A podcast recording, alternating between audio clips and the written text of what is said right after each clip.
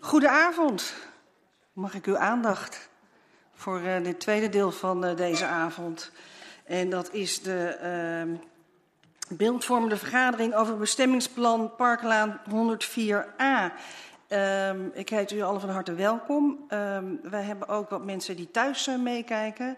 Uh, dat zijn uh, de insprekers die helaas hier niet bij konden zijn vanavond en dus hebben afgezegd, maar wel thuis kijken als het goed is. En van een van de insprekers is ook een schriftelijke uh, uh, bijdrage gekomen. En die heeft u vanmiddag in uw mail ontvangen als het goed is. Dus uh, bij deze. Ehm, het onderwerp dat zal ik even in het kort toelichten. Op de kavel van Parkland 104a staat een oud en relatief klein gebouw. De initiatiefnemer heeft het voornemen om hier een bijgebouw te vervangen door een woning. Uh, en die woning is qua footprint ietsje groter dan de huidige betonfundering. En uh, het ontwerpbestemmingsplan heeft er inzage gelegen en hierop zijn twee zienswijzen ingediend.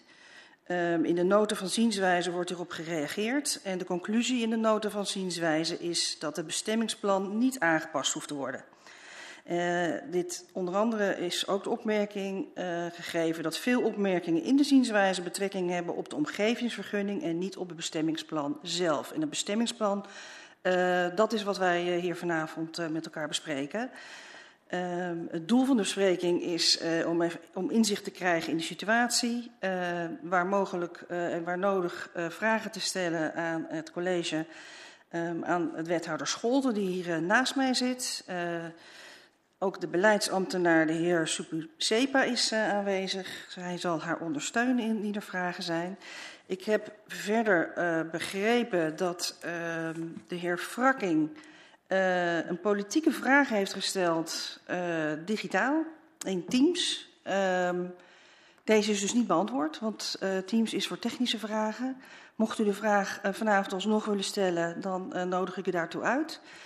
Mochten er ook nog andere raadsleden zijn die vragen stellen, dan uh, verzoek ik u opnieuw uw hand op te steken en anders te zwijgen.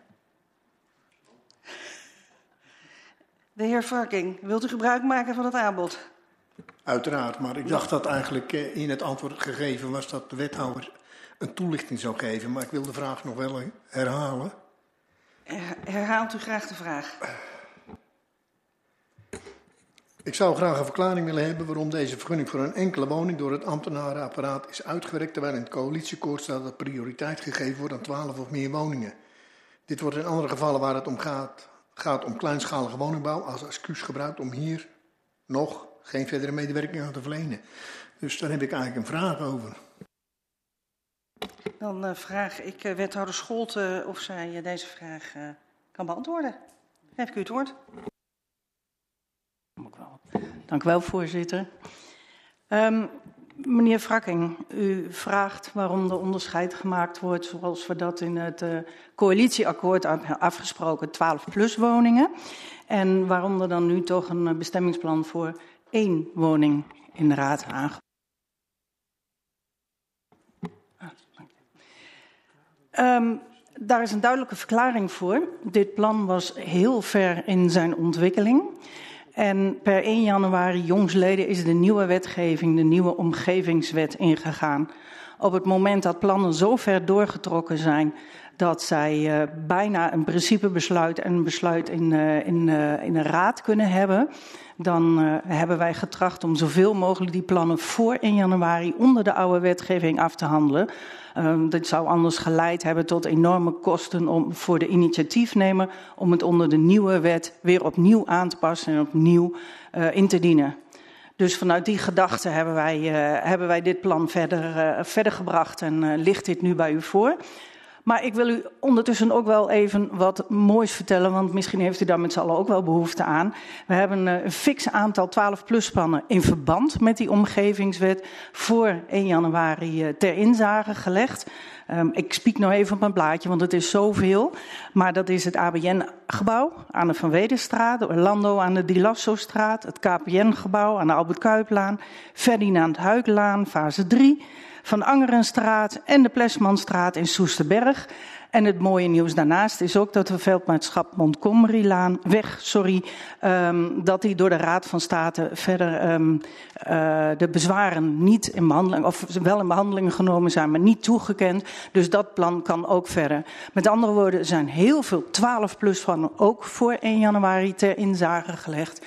En um, er is een enkele zienswijze binnengekomen, die gaan verder afgehandeld worden. Die plannen komen ook bij u in de raad.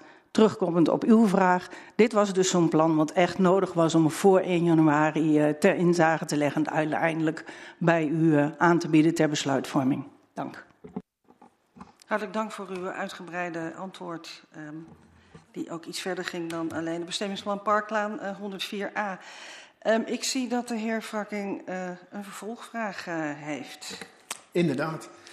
Want als ik het nou goed begrijp, betekent dit dat er uh, in de nabije toekomst geen uh, plannen meer te, ter tafel komen van uh, minder dan 12 plus 12 of meer woningen. Of heb ik dat verkeerd begrepen? Ik uh, vind dit eigenlijk buiten de orde van de vergadering, want het gaat echt over het bestemmingsplan Parklaan 104a.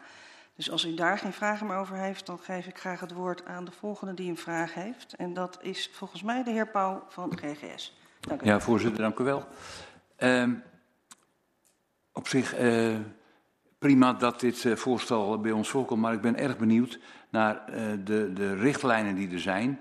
Hoeveel afstand, en dat heb ik nergens kunnen vinden, moet je in ieder geval van een spoorlijn af gaan bouwen? Is daarop getoest of is dat in wezen nou, we gaan uh, alleen naar de trilling en naar het lawaai kijken en dat is het dan? Ik kijk even naast mij en ik geloof dat het woord ja. u is. U heeft zelf het uh, de vraag beantwoord. Uh, we kijken in ieder geval naar de trillingshinder en naar uh, de spoorweglawaai. Dat zijn de twee aspecten waarmee we rekening houden in het kader van het feit of een woning gebouwd kan worden of niet gebouwd kan worden. Dus voorzitter, als ik goed begrijp, wordt er geen rekening gehouden met afstand tot de spoorlijn. Al zou je het een meter op de spoorlijn bouwen, uh, dan zou het ook nog kunnen. Want er zijn geen richtlijnen voor afstanden tot een spoorlijn. Ik kijk nog een keer naar de heer Supersepa.